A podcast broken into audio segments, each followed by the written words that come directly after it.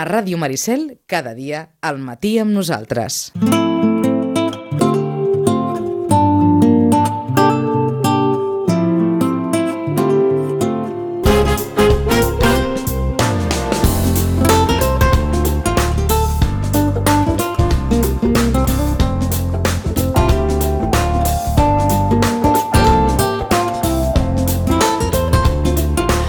Ara mateix les 10 i 24 minuts del matí, tanquem parèntesi esportiu i ara tot seguit el temps de família. Tornem a saludar en Vicenç Morando. Vicenç, bon dia de nou. Molt bon dia, Pitu. Que jo ja t'he dit bon cap de setmana, eh? fins dilluns. Però he pensat, dic, ara, ara, que li, ha- ara que li has de dir? Sí, sí, pobra No, criatura. Pitu, que després torno amb en Roman, tal, i aleshores eh, dic, bé, deixo córrer, que, Mhm. que tinc aquesta il·lusió del dilluns, que tornarem a estar tots, tots plegats, que, que he començat aquí, però ja venia d'una conversa amb en Roman, eh? que avui parlarem sobretot de, de, dels nens i de com estan vivint aquesta recta final de, de, suposo, recta final de la pandèmia. Ara que deies això, Vicenç, veritablement som dueños de nuestro destino? Mira, això en Roman ens ho podria... Eh, eh, jo crec que, que en part sí, però en bona part no. Mm, Bon dia, Roman. Bon dia, Roman. Hola, bon dia, bon dia, Pito. En, em sembla que val molt la pena començar contestant la pregunta de- d'en Pito. Pa, pa, és interessant, no? Perquè, o sigui, el nostre destí és la mort, diríem. El destí de tot humà, de tot, tot ésser vivent. En l'eufemisme aquest de l'esquela, no? quan diu a Holanda mor eh, dueño de su destino, eh, és a dir, que ha pogut decidir sobre la seva mort. Mm? Dic, perquè és, és, al final és un eufemisme per venir a dir això, és a dir, és, suposo que és una eutanàsia assistida... Eh, O, o, o, No. almenys, o almenys jo ho interpreto d'aquesta manera. Potser m'equivoco de dalt a baix, eh? però, Bueno. però aquesta, aquesta expressió em, porta a, a, a Sí. totes aquelles circumstàncies de les quals n'hem parlat tant al, al Mhm. llarg de, de la pandèmia. D'aquí segurament la, la pregunta d'en Pitu si som amos del nostre Bueno, destí. Eh, hauríem de dir, crec que no. És a dir, com a, si, si és una pregunta sí o no, no. Eh, po- podem incidir, clar que intentem, intentem fer el que podem per, per portar-lo mm, pels llocs que volem, no? de les maneres que volem. Eh, però sempre s'està superant, no sé, jo encara em continuo preguntant què faré mm, quan sigui gran. Eh?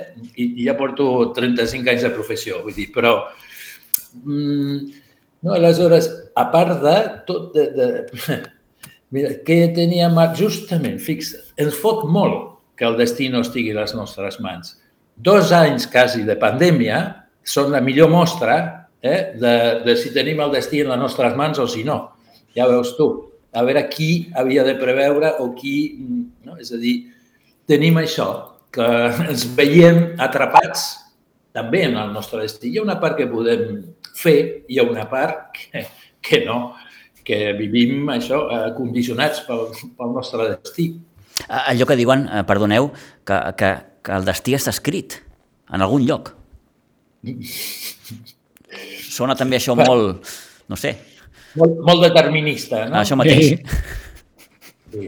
No, lo- l'únic que està escrit, o que sabem segur que està escrit, és que, és que al, al final de la vida és la mort. És, és, I inclús, què hi ha a partir d'allà? Tampoc eh, això mm, per, per creences i suposicions i fes les que cadascú tingui. Però com a certesa, això, la de la mort. I per lo de més, eh, hi ha coses que ens marquen el destí. Mm? Mm. Anava a dir, anava a dir el gènere. Mm?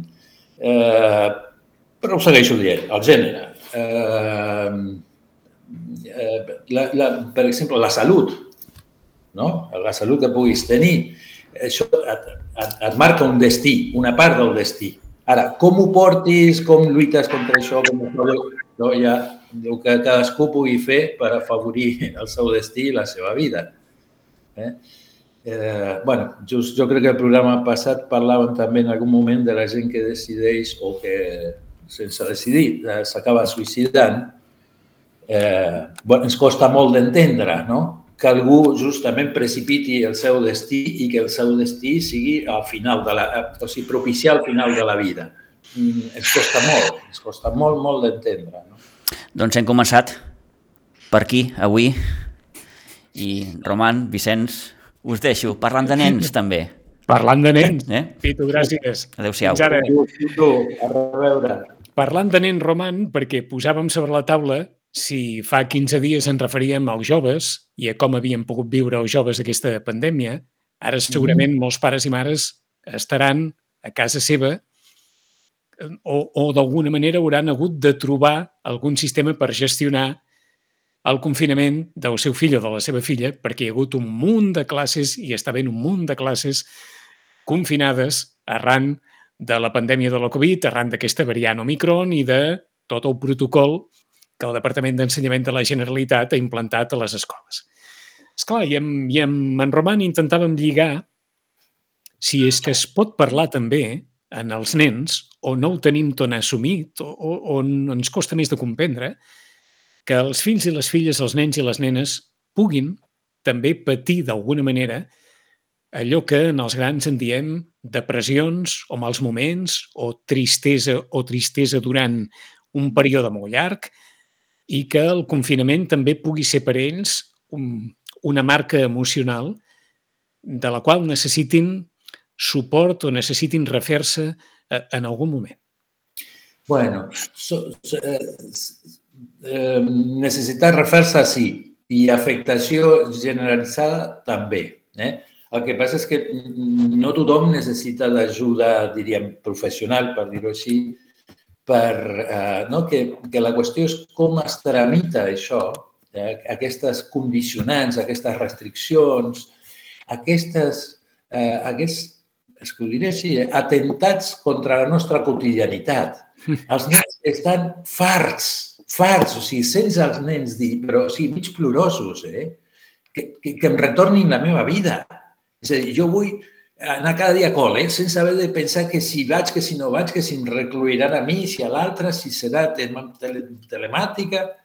Pobres, eh, és un trasbals, és un trasbals. I, I els nens, o sigui, bueno, volen la seva quotidianitat, té un valor, no? Eh, els hi permet ordenar-se, els hi permet, els hi dona una tranquil·litat. Aquí hi ha sempre com un factor eh, inestabilitzant i que no saps eh, com t'afectarà.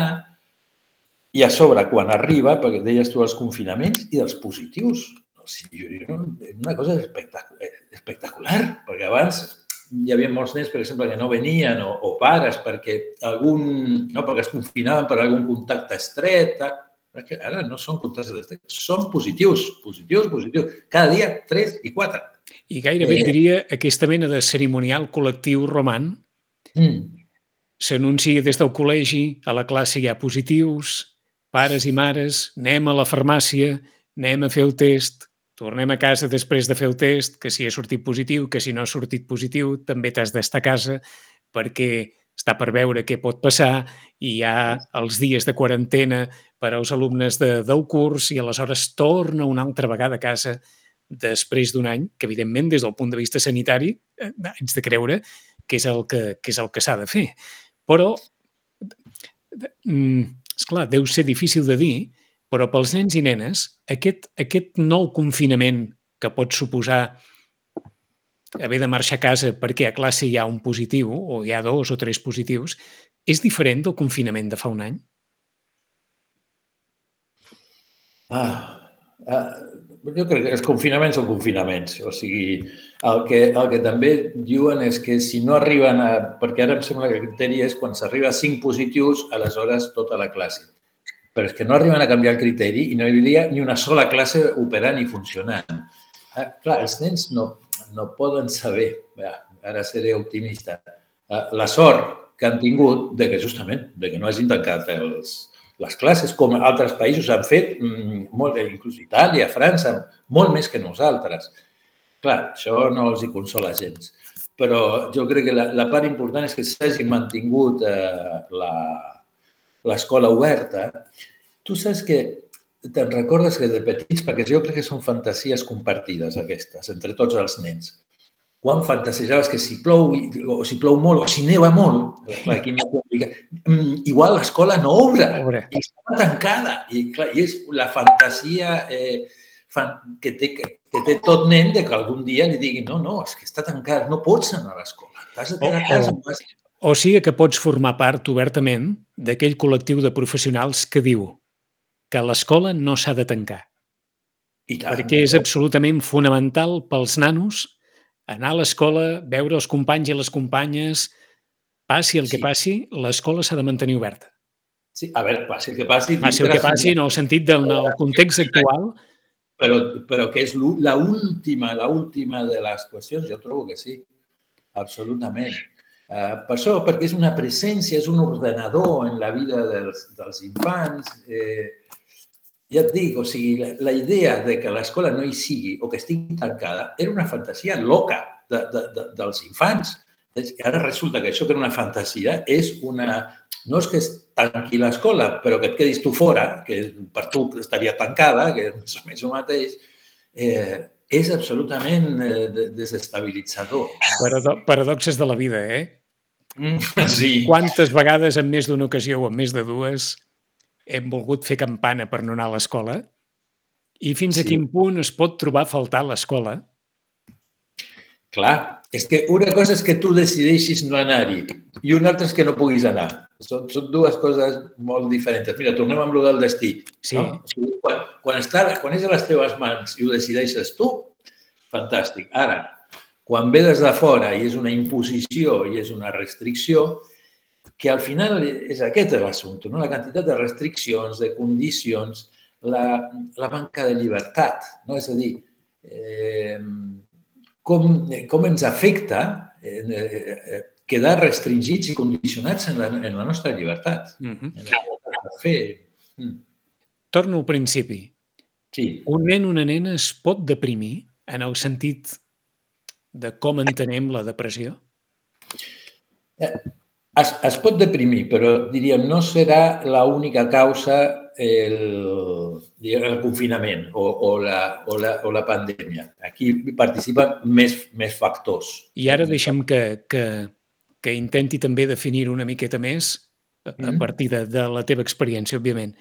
I, I podem parlar de depressió amb la mateixa, no sé si dir, intensitat o afectació de la qual en parlem amb la, amb, quan es tracta d'adults? No. No. No, no, és que eh, no en tots els casos. Ara, ara segurament molts pares i moltes mares també s'hauran tranquil·litzat. Oh, i tant. És que, és que, eh, a veure, jo crec que per això és tan preocupant la tendència a etiquetar a tots els nens amb patologia, perquè els nens són, eh, els infants, són, són dinàmics. Eh, transformadors. És, és un subjecte que s'està construint, que està en creixement, que, que canvia eh, permanentment. Aleshores, mm, eh, l'adult és diferent. L'adult és, és diferent. Eh, ja està fet, no? La, justament la plasticitat de l'adult és molt menor. Eh, ha tingut temps també d'acumular més situacions eh, no resoltes o, o, per exemple, una depressió en adult pot ser un, tenir ja tota una trajectòria, diríem, no? Pre, una prèvia que l'ha anat... Clar, amb un nen eh, molta prèvia no ha pogut tenir perquè no té gaires anys. Ah, però que hi ha depressió infantil, n'hi ha, i que, i que amb el cop, a més, també també. O sigui, això no, no podem negar. És a dir, que la, les circumstàncies externes sempre s'estan condicionant. En una situació favorable, bueno, no, no necessitem fer símptoma, mm -hmm. perquè les condicions... Ara, quan et posen molt a prova i et, els teus equilibris, ha, aquí hi ha més possibilitat de que peti l'equilibri. No? Doncs eh, estirem una mica d'aquest fil i més o menys perquè ens puguis descriure si des del punt de vista extern una depressió infantil té unes determinades característiques que, que puguin alertar els pares, que vagin més allà, jo què sé, del fet de que un dia hi ha molta tristor, un dia es plora, en circumstàncies determinades. I quines característiques té una, una depressió infantil que es puguin més o menys copsar des de fora? T'asseguro que es veu aviat, eh? Sí? sí? Sí, en un nen. eh, es, es no, a, a no ser que hi hagi moltes ganes de no veure-ho, però dic, eh, no, no, no sé com no és sutil. Un nen que té una depressió, si eh, el veus, és un nen que pràcticament no juga, és un nen que no riu, és un nen que té problemes per dormir, que, eh, que tot ho veu negre, que no té il·lusió per res, que no té ganes, eh, i que està totalment enfonsat. No? I això, vull dir, és, és palès. El que és més difícil de veure són les, les causes, no? que això, com tot, requereix de, de, de tot una anàlisi. Dic perquè no és evident. Una part és la realitat, que influeix, no? la realitat externa, la, les situacions ambientals. Però l'altra és eh, la manera en què el subjecte les experimenta, les viu. Eh? Ha, no sé, per exemple, una mateixa família pot tenir, no sé, ara si és que en queda alguna de cinc fills, eh, i només un fa la I tots han viscut més o menys unes situacions semblants, però només un fa depressió i els altres no. no? perquè depèn també dels recursos personals, de la interpretació, del moment en el que l'agafi, eh, intervenen molts factors. Eh, eh, és clar, no, no ens costa massa de poder tenir la imatge d'un adult trist, però en canvi ens costa molt tenir la imatge d'un nen trist o d'una nena trista. Mm. Sí, sí. No, com, com, si, com, si, com si no fos possible, d'alguna manera. Exactament. Ens resulta inconcebible, inconcebible, sí. Però ja, costa de creure perquè també en certa mesura tenim molt idealitzada la infància, eh? com un moment fantàstic, que, que feies el que et donava la gana, no havies d'anar a treballar, no? I això no és així. O sigui, la infància eh, és una etapa de la vida que, que té les seves complexitats i els seus moments difícils pels infants al nivell de l'infant. Clar que tu per un adult seria una soberana estupidesa la, la problemàtica que té aquest nen, però pel nen és la, és la que és. No? no? Fa, fa 15 dies, quan parlàvem dels adolescents, eh, em sembla que en Roman venia a dir el pitjor que es pot fer quan tens un adolescent, diguem-ne, en una situació emocional difícil, és preguntar-li precisament allò que molts volen preguntar. Què et passa? I què et passa? I vinga, què et passa? I vinga, i dalt i una altra vegada. Suposo que amb els nens tres quarts del mateix, no, Roman? Tres quarts del mateix. S'avançarà molt més si li dius que, que el veus, que està molt moix, últimament no, està molt apagadet i tal, que, bueno, que, que, que si, si vol que en podem parlar, que si ell si s'ha adonat de que li passa alguna cosa. El, el problema crec que és quan es parteix de la base, del fonament ja de que, de que, la, de que tothom sabem per què estem com estem.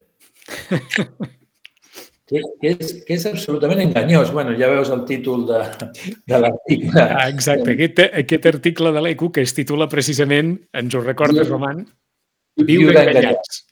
bueno, si, si això, tenim tendència a enganyar-nos, però, però no, la, la, la realitat hi, hi és i, i, i a veure, i, i bueno, és com la gestió de les emocions, és el de tenir el destí en les nostres mans. Tots són grans negacions, intents de, de, de, de torejar el fet de que no, de que jo no sé molt bé per què estic com estic, de que el meu destí no sé ben bé com tenir-ho en les meves mans i que les emocions, més que gestionar-les jo, em gestionen a mi. És a dir, jo m'hi trobo l'emoció, però no sóc jo que diu ara eh, no em posaré tan content, em posaré de, de, de, no, de 0 a 10 un 6. No va així. No. Per tant, per un costat, eh, estem amb el mateix registre que estàvem amb els adolescents, es tracta més d'escoltar que no de preguntar què passa, què passa, què passa. Exacte. Eh, I, i, i, digues, digues, Roman. No, invitar-lo que ell pugui pensar, o si, si se n'adona. Eh, els pares saben, no? Saben com sent el nen, més o menys. No saben si està content, no està content, si està preocupat. Aleshores, eh, no cal preguntar el que ja saps. Vull dir, eh, actua en conseqüència, no? Acosta a ti, mira com li, li fas alguna proposta que pugui ser una mica crescadora, no sé, d'anar a berenar, jo què sé i anar buscant les maneres de, de fer-li costat i a veure si, si pot explicar alguna cosa o si té alguna consciència de què li pot estar afectant. Eh, no diguem, per suposat, anar a parlar a l'escola, per si en l'escola també els hi poden dir algunes coses, i amb tots els eh, eh, espais on hi hagin adults mm, de referència. Mm -hmm. no? Mhm. Perquè si, si està passant alguna cosa que dongui motiu. Jo crec que en el nen, en la depressió, el que hi ha és una, és una desesperança, no?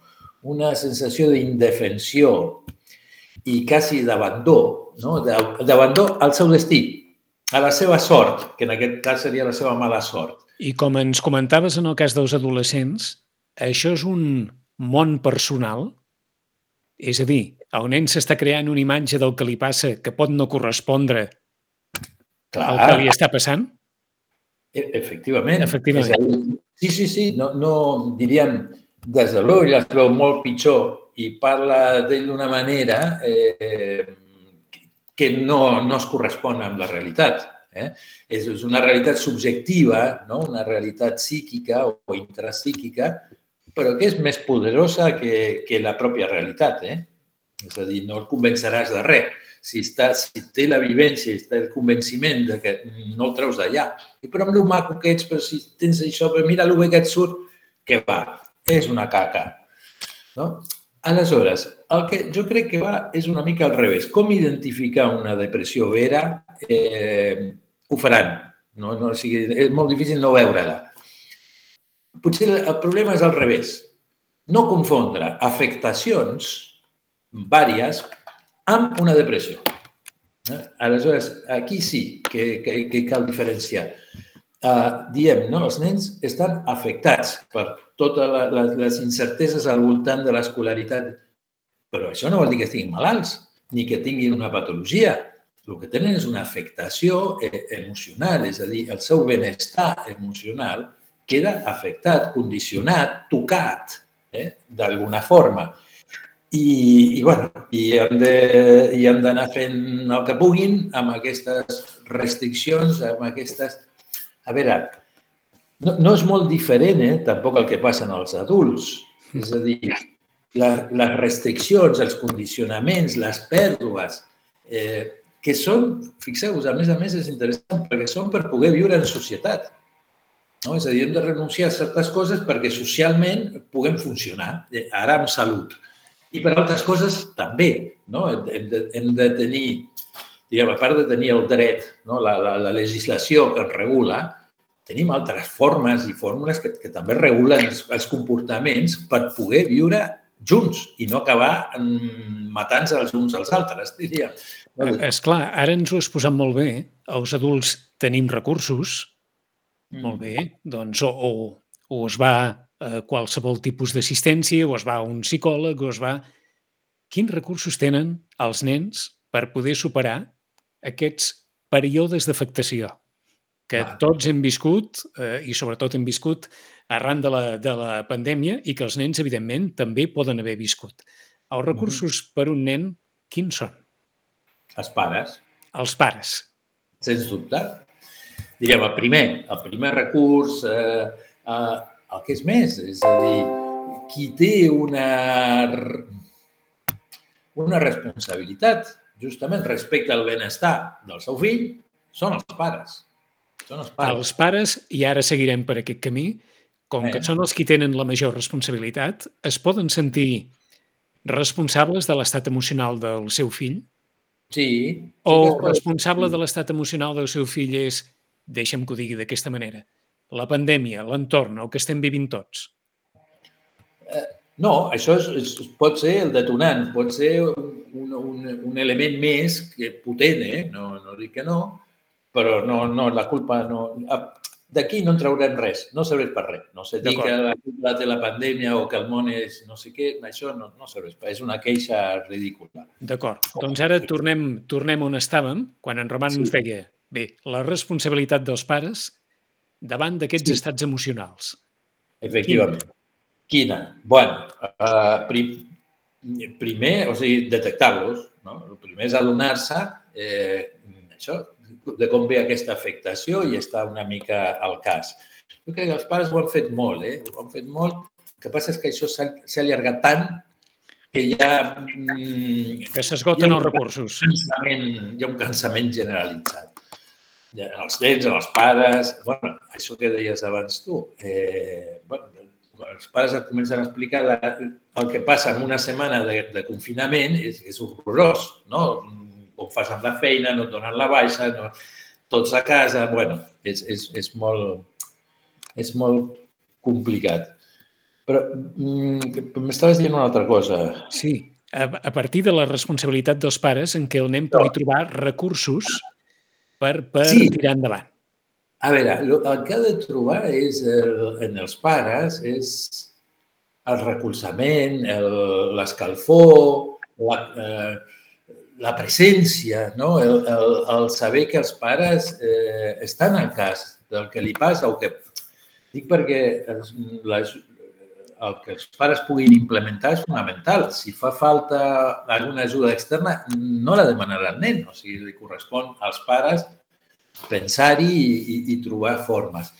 Però, i una de les coses també és com poder acceptar que hi ha aquesta afectació, que, mm. que som humans, és a dir, eh, i com, no, perquè moltes vegades els pares volen, volen calmar... Som humans, eh, eh, som, som humans, però estem en allò de sempre, eh?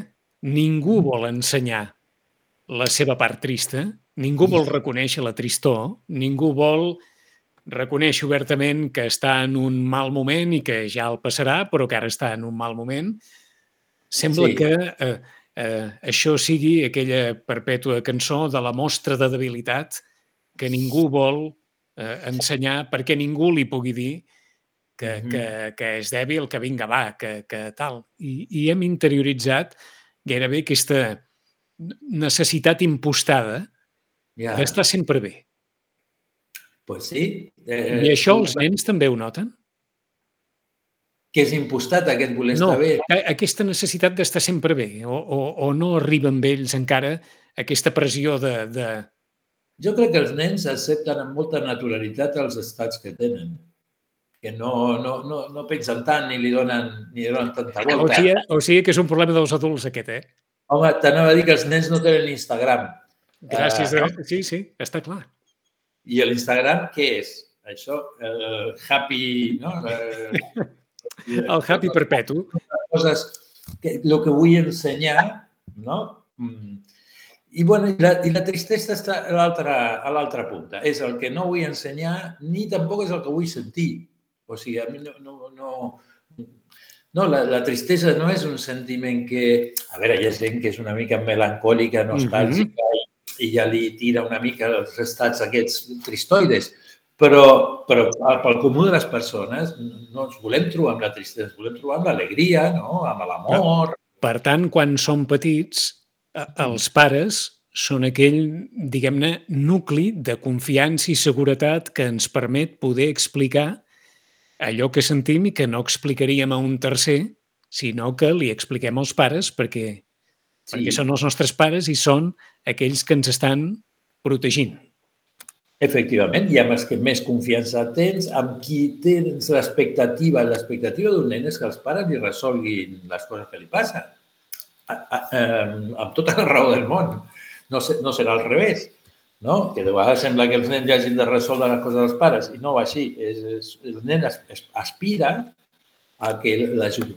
I també potser això, eh, no només que el nen expliqui, perquè el nen o la nena explica fins on pot, i, eh, sinó que també els pares puguin explicar no? com, com el veuen o en quins moments. És que m'ha semblat notar que quan venia tal, tu et posaves més trist, que tal per, per, per tirar-li, diria, puntes perquè l'altre pugui mm. eh, també connectar i, i, i arribar a saber una mica més. No? Eh, I afegeixo aquí, perquè la Carola m'ha apuntat una qüestió molt interessant que té a veure amb anava a dir, aquest cerimonial de la pandèmia. I és que molts nens i nenes sembla que han desenvolupat, diguem-ne, una versió un, o un pànic, en alguns casos, als tests d'antígens, a totes aquestes proves sí, sí. Que, que veritablement els, els, trasbalsen, els trasbalsen molt, però que, és clar són necessàries. I els adults, evidentment, també ens trasbalsen, perquè no hi haurà ningú que li hagi, que, que pugui dir en veu alta que s'ho passa bomba amb un test d'antígens i que li genera un plaer indescriptible, però, en canvi, amb, amb la canalla, amb els més petits, què poden fer els pares per intentar salvar eh, aquesta, aquesta por, aquesta, aquesta versió eh, als tests o, o a totes aquestes proves que a vegades s'han de fer? Mira, el, el, jo pel que, pel que he vist, pel, pel que he escoltat, hi ha molts pares que justament prenen la decisió de no fer el test. Que no li faran, no li faran perquè, perquè té, pel nano té una, es viu molt traumàticament, és molt invasiu, no? molt intrusiu. Eh, així és bo. Nens eh? És bo pensar això? Pensar de no fer passar el nen per les, Saps el que passa? Com els criteris sanitaris van i venen, canvien tant, eh, estan també determinats per les possibilitats eh, de recursos. És a dir, si no tenim mascareta, la mascareta no serveix per res. Eh, quan ja tenim mascareta és no te la treguis ni per dormir. Ja, eh, vols dir que, que, que s'ha generat una, una sensació de desconfiança bueno, de en, la que... qual, en la qual diguem que, que aleshores hi pot entrar aquesta decisió com una decisió que no ens afectarà bastant perquè, escolten, com que avui diuen això i demà diran una altra cosa, doncs... Bueno, sí. efectivament, hi ha alguna com de veure que si el criteri de l'administració va i ve d'aquesta manera, també potser el criteri dels pares o altres coses cal tenir en compte. Eh, Però, Escolta, Roman, eh, eh, i això no serà una excusa que es fan venir bé, exacte, que s'anava a dir, els pares es fan venir bé una excusa per dir, va, no, no li faig passar perquè ho passen, ho passen malament. Pot, ser, eh? pot que ho passen molt malament els pares perquè quan Mira, el nen ho passa malament. És, és que a mi, a mi m'ha vingut un moment d'aquells que molts nens no, no suporten quan són petits, és, perdonin, anar al barber que hi ha nens que, que, que és que no poden, veuen unes tisores i, i, i els agafa i els agafa no sé què. I, és clar els pares pensen bé, els cabells els hi hem de tallar, els cabells. Bé, aleshores, aquí que és una qüestió més, diguem-ne, de salut pública, que en sí. la qual tots hi estem ficats, no, no sé fins a quin punt, eh, davant d'una qüestió com aquesta, els pares poden dir obertament, doncs mira, no fem el test perquè així no passarà un mal moment i, i ja sí. està. O intentar d'alguna manera conduir aquesta situació des de, vaja, des d'un cert convenciment que és necessari encara que sigui, ah, que sigui no, no, no. passar un mal moment. Com dir-te? Eh, quan toca, toca. I això sí que diríem és una, és una, una certa irresponsabilitat dir, no, és que com el nen plora molt i a mi em fa patir molt, doncs saps què? No, no li fem. Això no, em volia dir. No, no pot ser el criteri. Aquest, però sí és cert que molta gent diria, així com li ha passat a tanta gent, que diu, ningú m'ha trucat, m'havien ningú m'ha trucat, m'havien de fer no sé què, ningú m'ho va fer. Diu, bueno, doncs els pares diuen, bueno, faci un altre PCR. Diu, per què ets de fer una PCR demà si passat demà se li acaba el confinament? I el criteri no és que quan has passat el Covid eh, et facis un test per veure. No, diuen que no amb la qual dius, per què caram faig una, una prova, una PCR avui si demà s'acaba? En aquest sentit, de fer servir eh, una, altres... Una mica de sentit comú. Efectivament, de sentit comú i dir, de no entrar justament en una rutina, una espècie de llei eh, que desatén les circumstàncies particulars. I aquí és quan dius, atendrem més el, el disgust que té el nano, la, la, dada la poca utilitat que tindrà, no el fem passar pel tràngol. I estiro... I decideixen. Ah, I estiro una miqueta més del fil per acabar. Hi ha nens i nenes que poden haver agafat, no sé si dir por o una certa prevenció, fins i tot a sortir al carrer? Sí, pors, pors, el, el que més, en els nens... El, el que més. El que més, les pors. Les pors diverses, eh? eh fins i tot a tornar a l'escola, segons com eh, a, a la nit, no? els malsons. Eh, a veure, els nens mm, percebeixen molt clarament la, la, la, la preocupació en els pares, l'ambient que, es, que es genera, o sigui, el qual no, no, és, no és tranquil·litzador, precisament. No? Aleshores, això més o menys passarà quan passi la pandèmia? a la mesura que, que els nens tinguin la sensació que el món s'està tornant a posar a lloc i que els seus pares també s'estan tornant a posar a lloc, eh, això marxarà, no sé si dir, per, per si sol d'una manera natural? Diríem que en les, en les persones que han resistit i que realment o sigui, han pogut eh, suportar això amb, amb condicions, al millorar, diríem, no, tot l'ambiental, ja l'abonança no crida, crida l'abonança. Ah, està Però clar. els que, els que diríem ja han quedat amb una, amb una impronta i una marca d'això, ja el, el canvi de temps no, No ajudarà. no eh, afavoreix, però no, però no del tot. O sigui, s'ha de fer la transformació interna. Pitu, Sí. ja has, ja has escoltat que ha sonat el campanar de Reus? Sí, sí, sí. les 11. Ara ho estàvem comentant amb l'Albert. No, no, ja, ja. Va bé això, perquè sense voler sona el campanar. Roman, gràcies. Fins d'aquí 15 dies. Vinga, a vosaltres, que vagi bé. Gràcies. Adéu-siau. Gràcies, en Roman. Adéu-siau. Gràcies, Vicenç. Fins la propera. Adéu-siau. Fins la propera. Adéu-siau.